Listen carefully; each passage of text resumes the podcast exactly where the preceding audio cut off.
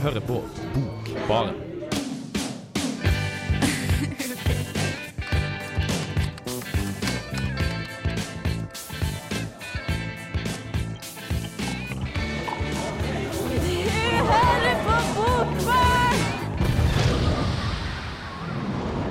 Det stemmer, du hører på Bokbaren, og i dag så har vi veldig veldig mye trivelig og avanserte og litt mindre trivelige og masse sånn forskjellige ting å snakke om. Vi skal ta for oss Neil Gaiman, og da med spesielt fokus på Sandman-serien, som er laga vel på slutten av 80-tallet og litt på 90-tallet. Husker ikke. Vi skal snakke om Lolita, romanen av Vladimir Nabokov, og vi skal snakke om John Donne. Eh, alt det her, og mer, eh, skal vi komme i gang med etter hvert. Men først så skal vi høre på Donovan med Baraba Jagal.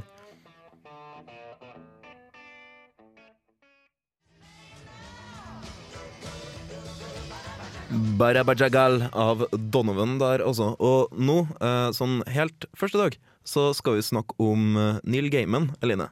Ja, det skal vi. Hvorfor skal vi det? Det er en veldig fin tegneserie som heter Sandman, som Ja. han har skrevet. Og jeg syns det er noe helt for seg sjøl. Noe helt unikt. Du er en fan? Jeg er veldig fan. Ok, nei, men Da syns jeg vi skal høre litt på hva du har å si om det her. People think dreams aren't real because they aren't made of matter, of particles. Dreams are real. But they are made of viewpoints, of images, of memories and puns and lost hopes.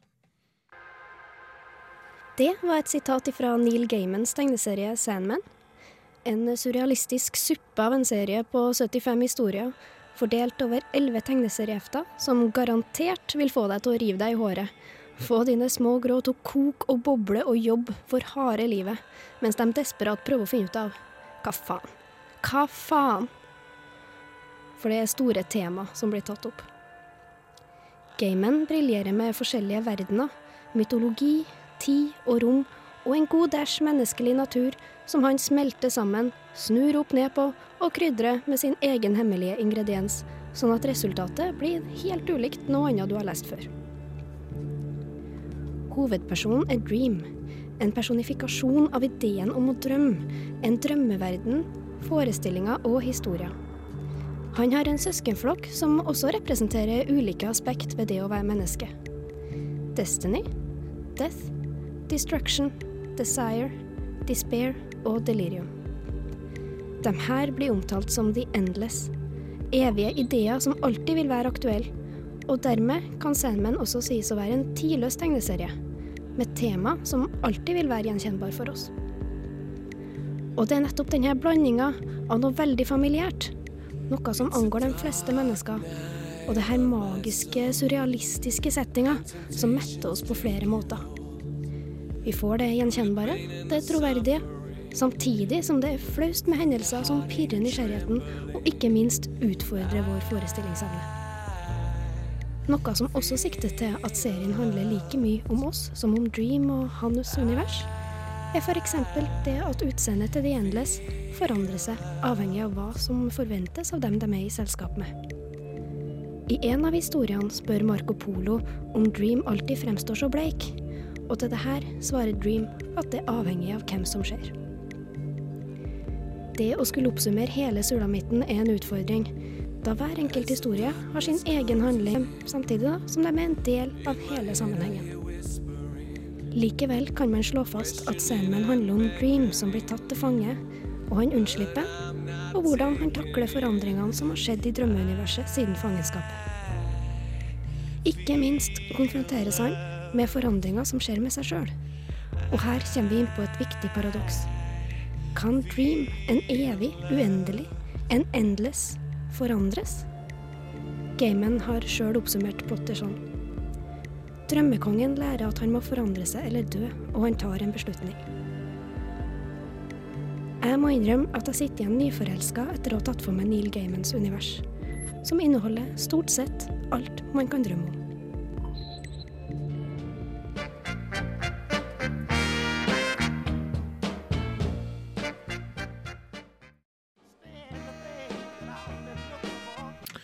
Otis Redding, What a Wonderful World. Og det er vel eh, noe vi alle sammen kan ta med oss inn i vintermørket etter hvert som det kommer snikende på. Tror ikke du det, Eline?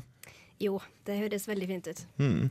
Uh, I den her uh, saken som du hadde laga om, uh, om, Sandman og, og Neil Gaiman, så, så, snakker du litt om at vi møter Sandman. Det er jo litt sånn in medias race start. Altså Sandman, altså Drøm eller Dream eller Morpheus eller hva man jo Eller et av de andre navnene han har i løpet av serien. Kjært barn, ja. Ikke sant? Han har allerede eksistert i mange tusen år. Men vi møter han veldig tett opp på moderne tid. hva er det som skjer her i begynnelsen, egentlig? Det som har skjedd, er jo at han er blitt tatt til fange. Og han var vel fanga i en 70 år. God nok lang tid, i hvert fall. Det er mye som har skjedd i de 70 årene. Det er vel her er begynnelsen av 1900-tallet, ikke sant? Uh, ja, hvis ikke tar helt feil. Det var mm. mm. Og da har jo hans rike blitt uh, Ja, han har blitt frastjålet ting, og riket hans har falt sammen fordi at det trenger å ha energi fra selve Sandman, da. Og eh, vi vil da følge Sandman i det han skal få tilbake de her tingene som er blitt stjålet fra han. Og da kommer han til å møte andre karakterer igjen, som han blir kjent med. Og eh, han må ordne opp i deres uh, ulykkeligheter, og alt det her har med litt sånn magi og litt drømmeverden å gjøre, da. Ja, for det, altså det, det vi møter er jo en, er en drøm som uh, har fortida med seg, samtidig som det er en veldig rar nåtid uh, han forholder seg til. Uh, hvordan du Hvordan begynte du å lese eh, tegneserien om Sandman? Har jo egentlig blitt fora med det fra jeg kan huske, egentlig. Uh, det er jo min far da, som har, uh, som har gitt oss de her bøkene, meg og mine søsken. Og vi er jo veldig glad i dem alle sammen. Uh, Sandman er jo en, en tegneserie som tar uh, opp i seg uh, en del andre tegneserier også, eller den på en måte den, den, den, uh, den på en måte stikker inn, Martin? Ja, ja, altså, det, her, det, her, er litt morsomt, for det var en fullstendig sømløs overgang fra, fra, meg til deg, Mathias, og det er ingen av lytterne våre som vet at du er her engang. Nei, jeg vet. Det er derfor jeg jeg er litt som referansene i Sandman. Jeg bare, jeg, plutselig så er jeg på en måte Så er, så er han Myk not, hva var det du lurte på? sånn? Nei, jeg lurer på, altså For at uh, Sandman har blitt frarøva mye som det er, sant? og så drar han jo rundt for å sam samle inn ting. Og på den samle-inn-turen så møter han på alle mange karakterer. og sånn. Han er jo innom uh, Alistair Crowley, så vidt jeg husker. og han er innom oss, Men han jeg tenker spesielt på, er jo han uh, tegneseriehelten som ble laga film av for noen år siden. John Constantine. Ja, Constantine, ja, riktig. Mm. Det er jo stilig. Mm, er, er, det noen flere sånne som, som, som møter opp, noen jeg ikke har lagt merke til siden sist jeg leste det her? Det er jo Lucifer, da. Kongen av Riktig. helvete. Ja, ja. Ja, Og en veldig vakker utgave også. Ja, fantastisk. Mm. altså, Lucifer fikk jo en sånn spin-off-tegneserie etter Sandman. Uh, men det som er veldig morsomt, er så vidt jeg husker uh, uh, ifra, ifra, første boka, så kommer en sånn veldig absurd DC-karakter ramlende inn i, inn i fortellinga, og det er Martian Manhunter som bare Det, det er veldig, en veldig bisarr gjesteopptreden. Ja, men du Eline, nå dukker jeg opp her oppe, da. Hei, Kristine! vi, vi, vi, lider under at jeg glemte å introdusere hvem det var som er i studio sånn i åpninga her. Men Eline, for dem som ikke har eh, sett tegneserien, hvordan er tegningene i den? og sånn? Det er jo der man kan bli litt skremt ved første øyekast. For at uh, hvis man ikke er vant til å lese tegneserier, så blir det litt mye skrikende farger, det blir kanskje litt uvant. Men eh, jeg syns jo det er en god miks av det man kaller lavkultur og høykultur, jeg, da. Og eh, for at du har et veldig Det er et dypt manus, det er substans i språket, samtidig som du har den her tegneserieformatet. Uh, nesten så jeg syns at det er mer krevende å skulle gjøre det her enn å skrive en novelle, fordi du er nødt til å bruke så konsise ord. For det er jo noe som skjer i, i tegneserien, så har du jo ikke lenger eh, Du kan ikke beskrive en scene med ord, eh, og for en forfatter så kan jo det være litt, grann, eh, litt grann strevsomt regna med å skulle bare skrive beskrivelser som en tegner skal sitte og tegne. Og så vidt jeg husker, så er vel Sandman som etter hvert tegna veldig mange forskjellige tegnere. Og det var vel han her som laga coverne, Dave McKean, som er den eneste konstante. Eh, hvordan hva, hva, gjør det med, med, med, med, formen? Altså, jeg vil gjerne vite hva du syns, men hva jeg syns. Ja, uh, jeg ser jo på det, og jeg syns det er noen tegninger som er finere enn andre, selvfølgelig. Mm. Men det varierer jo, da. Du får jo en variasjon, og du vet på en måte aldri du blir ikke lei. mm. Men altså, det her er, det, altså sender man en sånn serie som man først begynner å lese, og så har, sitter man plutselig og har brukt, uh, brukt uh, eh, 2000 kroner på hele serien og har lest hele greia. Syns du det er en uh, god investering? Bør alle sammen springe ut og sjekke ut Neil Gaiman og Sandman? Absolutt. Og er du redd for å investere, så tar du og låner på biblioteket. Høres veldig bra ut. Vi skal, vi skal høre Gil Scott Heron eh, med 'Gun', og etterpå så skal vi høre litt om Lolita, altså romanen av Vladimir eh, Nabokov. Men først Gil Scott Heron.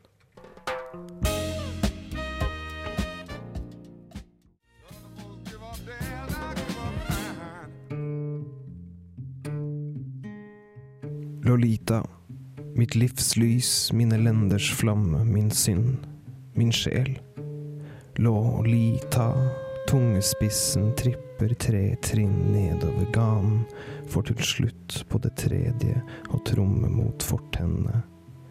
Lolita. Hun var lå, rett og slett lå om morgenen når hun sto der 1.54 på sokkelesten. Hun var Lola i slacks. Hun var Dolly på skolen. Hun var Dolores når hun signerte på det prikkete linjen. Men i mine armer var hun alltid Lolita. Romanen 'Lolita', skrevet av Vladimir Nabokov, ble for første gang utgitt på 50-tallet i få eksemplarer på det franske bakgårdsforlaget Olympia Press i Paris.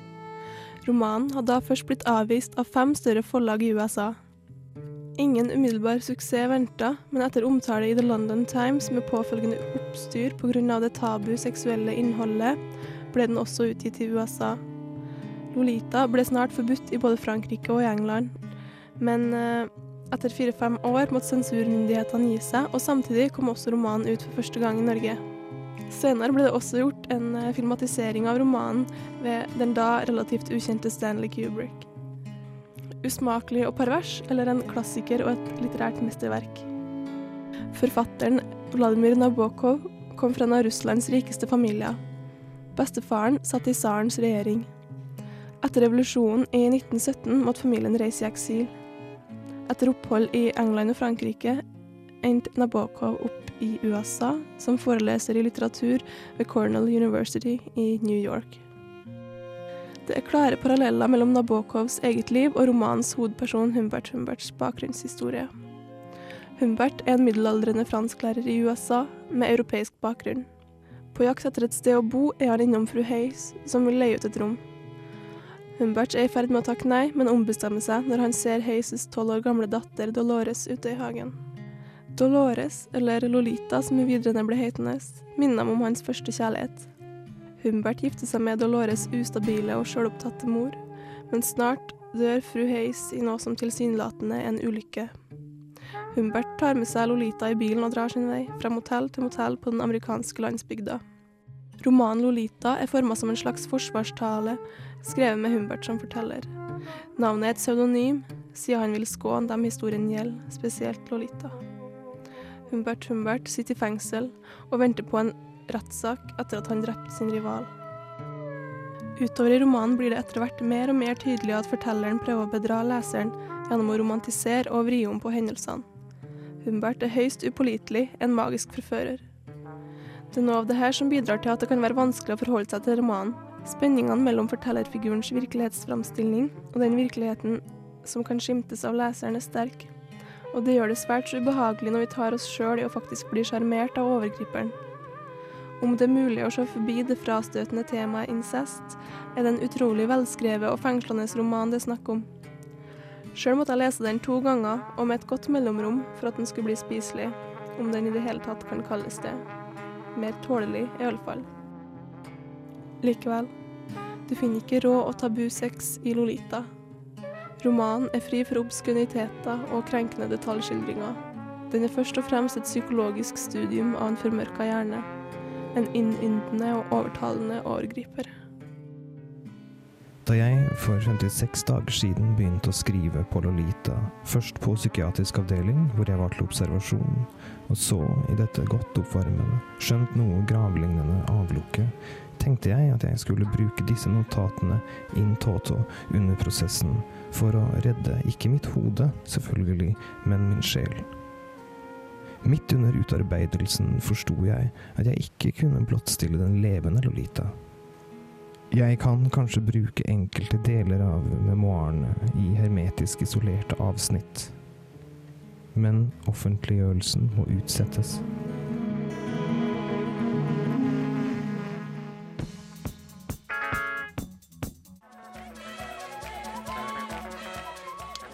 Jorg Ben der, altså, med Taj Mahal. Det er Uh, ikke Horje. Jorge. Horje Ben. Jorge Ben. Ja, tror det. Taj Mahal. Taj Mahal. Det spørs om det er snakk om bygningen eller om den amerikanske bluesstjerna. Jeg er veldig usikker. Men før det så fikk dere eh, Kristine sin sak om, eh, om, om Vladimir Nabakov sin Lolita. Og altså, hvor gammel var du når du leste den her for første gang? Jeg tror jeg måtte være sånn eh, rundt 13 år, nesten som Lolita sjøl, tror jeg. Ja, ikke sant? Men du husker jo noe av den leseropplevelsen, eller var det altså, Jeg tror det, det var først først andre gangen jeg leste den at eh, jeg faktisk eh, ja, satte meg ned og tenkte litt etterpå.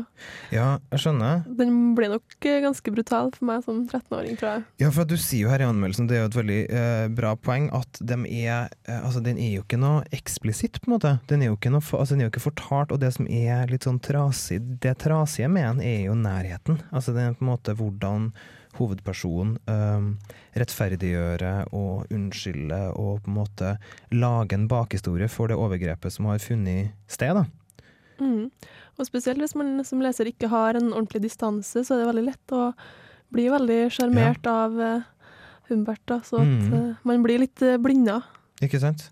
Jeg tror jo, altså uh, hvis Vi skal jo ikke glemme at det her er en roman heller. Og Nabokov var en veldig dyktig forfatter. Men jeg syns jo det er viktig, altså, for det er jo et aspekt her også av at Lolita er jo ikke helt uskyldig, hun heller. Altså, hun er en jente på 13 tross alt, men hun er eh, og kanskje spesielt i Stanley Kubrick sin filmversjon, så er jeg jo fremstilt uh, som en slags sånn forførerske som er veldig klar over hva det er hun uh, gjør. Mm. Men det er veldig vanskelig å definere det her, fordi at det er jo fra hans perspektiv vi ser det. Så det blir veldig vanskelig. Men altså, nå, nå er jeg dette her med, med hvordan Lolita blir fremstilt som en, en forførerske, og det her med at det er hans perspektiv. Eh, i, I romanen, kanskje klarere i filmen, så er det jo Så er jo dette her med det perspektivet veldig, veldig klart. Eh, så der blir hun fremstilt sånn som han ser henne. I filmen så blir hun fremstilt sånn som publikum ser henne, og da blir det jo en viss eh, forskjell. Men Og det blir jo alltid en slags sånn ambivalens i subteksten, og man får, man får en sånn fornemmelse av å ikke ha tilgang til sannheten. Eh, og det er litt interessert i hva du synes om det, Kristine. Ja, men eh, når du begynner å blande inn filmen, så blir det fort veldig Men, altså, eh, la, oss, glemme filmen. Glem at sa noe om filmen. Uh, hva er ditt inntrykk av Lolita uh, gjennom hans beskrivelser? Vel, første gangen så tror jeg jeg stola ganske blindt på fortelleren, så da Ja. Nei, andre gangen nå så tror jeg jeg klarer å plassere Lolita mer i offersituasjonen som hun Jeg vil si at du faktisk er i, da. Mm, ja, for det er jo ikke veldig ofte at 13 år gamle jenter går rundt og manipulerer menn. Nei, i hvert fall ikke 50 år gamle menn. Nei, ikke sant. Som burde vite bedre. Det skjer jo i litteraturen uh, stadig vekk, da. Og det er jo på en måte en sånn eh, og Det det er jo fordi også 50 år gamle menn skriver litteratur. Ja, men hvis du tenker for eksempel på den, eh, på den første altså debuten til Knausgård, da. Uh, på på eh, Åh, satan, nå sto nå sto jeg stilt. Ute av verden. Ut av verden, ja. Så handler jo det også om en sånn Lolita-situasjon, ikke sant. Altså Knausgård er jo selvfølgelig en del yngre og, og så videre, men det fortelles jo på en lignende måte. Og øh, det er veldig spennende, syns jeg, med denne rettferdiggjøringa, fordi at det er øh, Sånn som du sa i saken, så, så forklarer jo hovedpersonen det med eh, med en forhistorie, med en tidlig kjærlighet, på en måte, som han, var, som han, han aldri klarte å gi slipp på. da. Eh, som han da opplever på nytt da, på en måte gjennom Lolita. Mm. Men, eh, men uh, uh, Altså, er det, er, det, er det her én side, liksom? Eller ser du begge sidene? Vel, altså Humbert, han Det her er jo på en måte hans forsvarsskrift, så det blir ja, litt vanskelig, fordi at han prøver jo å forklare det ved den her hans første kjærlighet, da. Mm. Eh, og han romantiserer den historien veldig. Og hun dør jo etter hvert, hvis jeg ikke husker helt feil. Mm, mm. Så, men eh, når han møter Lolita, så tar hun bare helt over, og overskygger den forrige. Ikke sant? Jeg tror du sier det når du sier romantisering, for jeg tror det på en måte er mye av kjernen. Uh, i, i det her, da, etter min uh, mening. Men altså, det er vel ikke noe vits å spørre deg hvorfor du valgte boka, for det er jo en fascinerende bok. Jeg vet ikke, Har, det, har du syns du ikke noe det? til tilføye? Jo, jeg syns den er veldig Ja. fascinerende. Men, altså, nei, men eh, vi er jo inne på noe. Hva som fikk deg som 13 år gammel jente til å lese boka 'Lolita'? Vet du hva, det husker jeg faktisk ikke, men jeg tror jeg ble anbefalt den av ei venninne, eller ja, noe sånt. Litt sånn, litt sånn fjortis chick-lit. Eh, Ja, Her ja, har vi en fyr sånn. som heter Nabokov, som har ei bok om, om, om, om ja. Mm. Ja, litt eh, syns sofistikert. eh. Jeg syns i hvert fall imponerende å forsøke seg på den, i alle fall når man er 13. Det må jeg si. Men du mener det at ikke bare 13-åringer, men men, men også menn og kvinner langt opp i 20-årene har et utbytte av å lese det her? Jeg vil nok si at man får mer utbytte av det da, absolutt. Da skal vi forlate, eh, forlate Lolita med det. Her er Sonic Youth med Unmade Bed.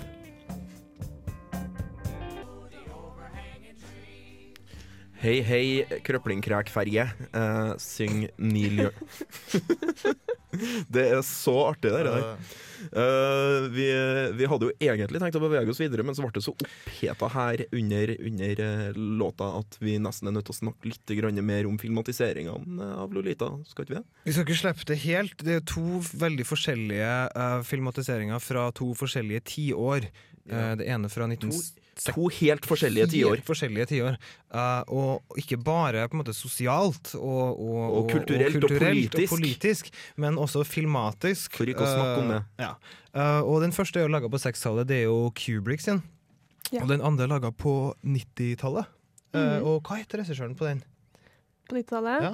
Uh, Adrian Line. Adrian Adrian Lyne. Lyne. Adrian Line. Ja. Mm. Eh, og Som er jo- også laga Mortal Kombat. Gjorde den det? Nei. Eh, sånn, at, uh, sånn at det her er to veldig forskjellige, og vi, og vi, og vi snakka jo litt om måten uh, de er, altså, de er casta på, for det her har faktisk noe å si, da. Ja, jeg har litt sterke meninger der om eh, Stanley Kubrick sin film, som jeg for så vidt egentlig ikke liker så godt.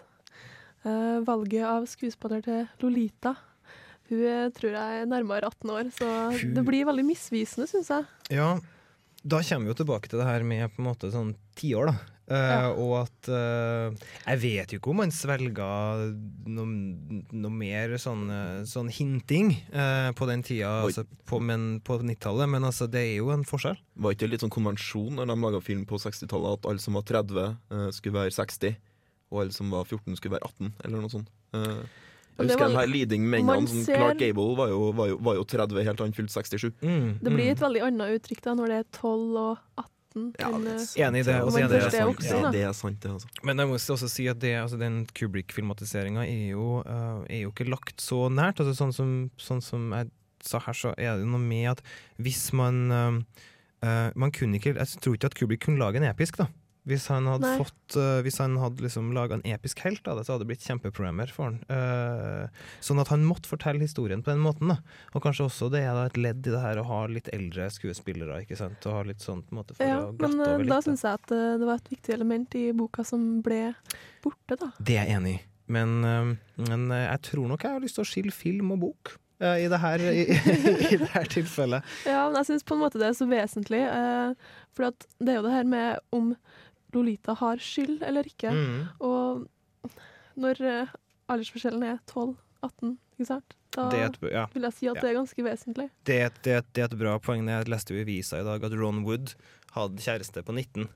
Det syns jeg var litt drøyt. Så lurte Men det hadde vært hva eh, enda verre hvis det hadde vært 12 år, ikke sant? Ja, det hadde jo ikke gått an. Det hadde jo vært ulovlig. akkurat. Så det er jo et problem, selvfølgelig.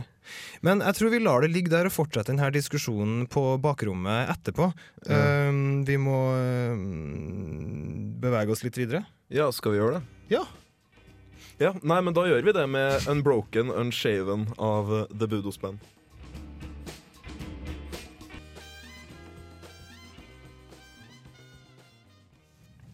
Det var The Budos Band med Unbroken Unshaven. Jeg vet ikke hva det er som ligger i den tittelen der, men det høres eh, Ja, nei, det høres ut som en veldig rar kveld på byen. Fra rare kvelder på byen og Lolita til det faktum at et menneske ikke er en øy. Um, det her er bare ett av de mange uh, kjente og gode sitatene og ordene som den britiske poeten John Donne har lansert. Blant annet var han den første som eh, brukte ordet 'modern man'. Uh, han er også den første som brukte ordet sex, i den betydninga vi uh, bruker det. Altså da Som i kjønnslig omgang. Ja, som i kjønnslig omgang. Eh, han eh, har også æren for tittelen eh, til Hemingway sin roman 'For Whom the Bell Tolls', eksempel. Do not ask for whom the bell tolls, for they, for they toll Ja. for thee. Et eller annet sånt, ja. Ja. Og så har han da selvfølgelig 'No Man Is An Island', Ja. som uh, den her Som Nick nye- Hornby har sitert. For eksempel. Men som også er en ganske kjent sitat da, sånn, i verdenshistorien, og som uh, det renner meg ikke i hu, men jeg, jeg tror jeg med sikkerhet kan si at for eksempel Churchill osv. har okay. inkorporert det i noen taler og sånt. Da har vi slått fast at John Donne var en eh, forfatter og en dikter. uh, Men hva mer kan vi slå fast om John Donne? Vi kan slå fast at han eh, er oversatt eh, på nytt eh, på, i Aschhaug sin oversettelsesgjendiktningsserie. Tusen takk, Aschehoug. Hvem er den oversatt av? Her er den oversatt av Åsmund Bjørnstad. Og det her Nei, Åsmund Bjørnstad har oversatt litt Rilke. Oh, ja, så han forskjellige- er en av guttene, liksom. Ja, ja, ja. ja, ja. Um, og du kan si at det her er altså, si, Sånn kort da om, om selve oversettelsen, så er den veldig rotete. Ja. Men Don er veldig rotete. ja, ikke sant?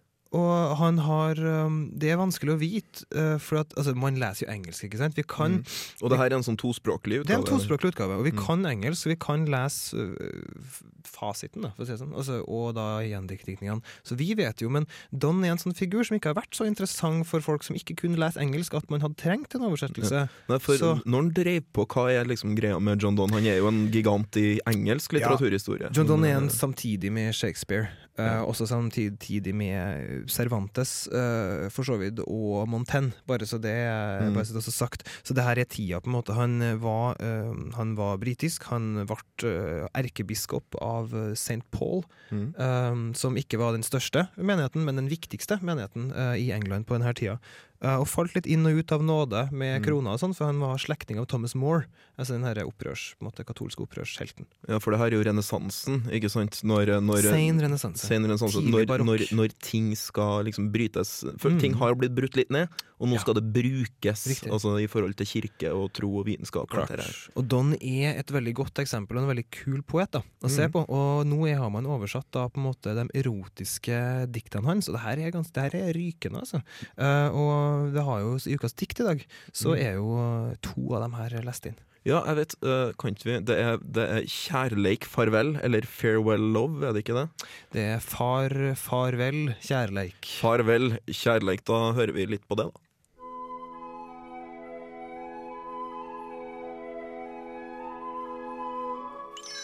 Ukas dikt.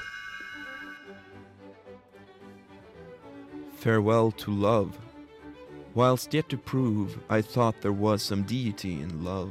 So did I reverence and gave worship as atheists do at their dying hour. Call what they cannot name an unknown power. As ignorantly did I crave, thus when things not yet known are coveted by men. Our desires give them fashion, and so, as they wax lesser fall, as they size grow. But from late fair, His Highness, sitting in a golden chair, is not less cared for after three days by children than the thing which lovers so blindly admire and which such worship woo. Being had, enjoying it decays, and thence what before pleased them all takes but one sense, and that so lamely as it leaves behind a kind of sorrowing dullness to the mind. Ah, cannot we, as well as cocks and lions, jocund be, after such pleasures, unless wise nature decreed, since each such act, they say, diminisheth the length of life a day.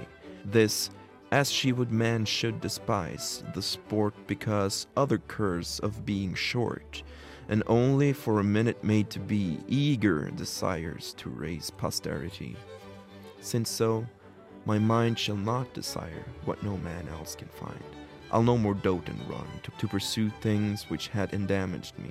And when I come where moving beauties be, as men do when the summer sun grows great, though I admire their greatness, shun their heat, each place can afford shadows. If all fail, 'tis but applying worm seed. Som urøynd ungdom dyrka jeg min elskhugg som en guddom. Jeg i age daglig ba til, slik ateister i sin siste stund kan kalle på en navnløs, ukjent grunn. Var det en ukjent jeg sa ja til, for når et menneske attrår før enn det forstår, da kler begjæret seg i kjøtt og blod, som med det fell eller kjenner noe gro. Sjølv falma pynt på blautkaka der andre har forsynt seg før, er mindre trygt å by til barn enn det som kjærester er så andektig blinde oppsett på å få. Først smakt, vært nesten mindre ny. Det som først metta alle sanser, gjør noe tom. Den ene som er med, så alt du vinner, sitt att som matt tristesse i ditt sinn. Og uten måte var vi som hanar, løve like kåte etterpå. Vart dette gjort slik av en viss natur, for som ein sa, hver akt forkorta livet med en dag. Som ville han helst vendt oss bort, fra slik sport, men av de fallet gjorde livet kort, må han et godt minutt få gjort oss hekta på å stå på og sikre etter slekta. Vel, vel, mitt sinn, skal ikke trå det ingen andre finn, ustanselig springe etter sex, og stadig skuffast av den samme ting. Og ser eg fagre kvinner sviv ikring, slik menn jo gjør når sola veks seg heit. Om eg trivst godt med varme, skyr eg steik, og svalar meg i skuggen, står den en stiv, så smør på vinrute urt, som slikt fordriv. Det er alltid like hyggelig å høre Idun Fidelstad snakke over Dampende. eh, dampende fiolinmusikk, må man kunne si. Nei, det her er veldig sexy. Veldig, veldig veldig sexy. Det Altså. er veldig seksuelt, i hvert fall. Og jeg vil si det, det beste her er at han, altså John Donne bruker Amerika som en metafor for på en måte kvinnekroppen og sex. det? Og sånn. ja, ja. Jeg leste opp greia, det fikk jeg med det, meg. det utforska landet og sånn. Han liksom sånn og det Og- nye og er det en måte, metafor til Amerika? Ja, ja, det er det. Altså, det er det nye. 1492. In 1492 Ja. Columbus sailed the Det det, ocean men de hadde ikke enda hadde de ikke liksom gjort nok De visste med det. bare at det fantes seksuelle indianere der. Eh, ja, noe sånt. Men i hvert fall så er det uoppdaga, det uutforska landet, da. Det bruker John Donne veldig, veldig bra. Veldig hot. Veldig hot. Ja. Så, så det er fint fin for å gjenoppdage John Donne, på en måte. Eh, oversettelsene er eh, både òg. Men, eh, men masse bra, altså. Mm, så det her er noe du mener at alle lyrikkinteresserte gutter og piker skal få med seg de, de nærmeste månedene og dagene og årene? Altså Om ikke annet så for å ha, for å ha John Donne sine dikt på engelsk. Mm. Ikke sant? Og så ha en form for norsk, norsk du kan følge. For at det er jo ikke, det er jo ikke ukomplisert. Det her Det her er jo på en måte Nei, John Donne er er jo liksom, kjent for å være en av de Ja. virkelig tunge. Alle, alle, alle A-litt. Alle det er jo naturvitenskapsmennesker skjelver jo buksa når de tror de skal ha liksom the, uh, the uh, canization på eksamen, sånn ikke sant? Senrenessanse uh, John Donne, if you can make it there, you can make it anywhere. Det er litt den. Da er, det, da er Celan en barnemat. Damn straight. Damn skippy. Eh, så, men uh, litt mer om dette her. Altså det, det seksuelle og de her tabubrytelsene. Altså sånn opp mot uh, Nabokov og sånn som vi har snakka med før. Finnes det noen paralleller å ta tak i? eller? Altså, han gifta seg med søskenbarnet sitt som var 14 år. På tidspunktet. Men det var ikke noe ille. Det, det var ikke ingen som hadde problemer med det. Det de hadde problemer med, var det at de, han hadde ikke fått lov av foreldrene hennes. Eh, sånn at Mange av de diktene i boka er skrevet til hun da gjennom Altså, livet. De var gift eh, helt til hun døde eh, noen år før han. Skal, hvis liksom sånn halvnevø-tremenningen min hadde kommet til meg og spurt Kan jeg få gifte meg med den 14 år gamle dattera di, som Mm. også er mitt søskenbarn, Mm. så, har jeg, så har jeg kommet og sagt Er ikke du prest? Ja, han var på vei opp, og det her okay. var akkurat når de hadde blitt protestantisk. Så han kunne kunne ja, gjøre så da var det liksom fritt fram? ja, det, det er en lang historie bak her, men i hvert fall så er det, så er det veldig sånn ektefølt. da Veldig mye av det, og, og, og veldig spenstig til å faktisk være fra, fra 1600-tallet. Ja, nei, men det, det, høres, det høres jo ut som en anbefaling sånn egentlig. Eh, Bokbarn skal begynne å rundes av eh, for i dag. Eh, jeg heter Martin Ingebrigtsen, og med meg i studio så har jeg da selvfølgelig hatt Mathias Samuelsen, som har snakka om John Donne. Jeg har hatt eh, Eline Bjerkan, som har snakka om Neil Gaiman og Sandman. Og Kristine Fredriksen snakka om Lolita av Vladimir Nabokov. Tekniker har vært Trond Storønning. Og mm, neste uke, jeg vil bare si dette her veldig raskt, så skal vi snakke om, om to forfattere som jeg syns er veldig kule, nemlig Sofie Oksanen, som vant eh, Nordisk råds eh, litteraturpris for romanen 'Utrenskning', og Cornelius Jakkelen, som for litt lenger siden vant liksom en sånn stor romanpris for eh, boka 'Gudenes fall', som vi har hatt lyst til å ta tak i veldig lenge, og som vi endelig skal se litt nærmere på neste uke. Jeg skal snakke om eh, den store, fine diktantologien 'Verden finnes ikke på kartet', som nettopp eh, kom ut på oktober, redigert av Gunnar Wærnes og Pedro Carmona Alvarez. Men eh, inntil neste gang, hvis du har lyst til å høre litt eh, på oss igjen, eh, hvis du begynner å savne oss, eller noe sånt, så vil jeg bare minne om at vi finnes på podkast. Den kan du finne på Radio Revolt sine hjemmesider, eller på iTunes. Så inntil videre, her har du The Vaccines med If You Wanna.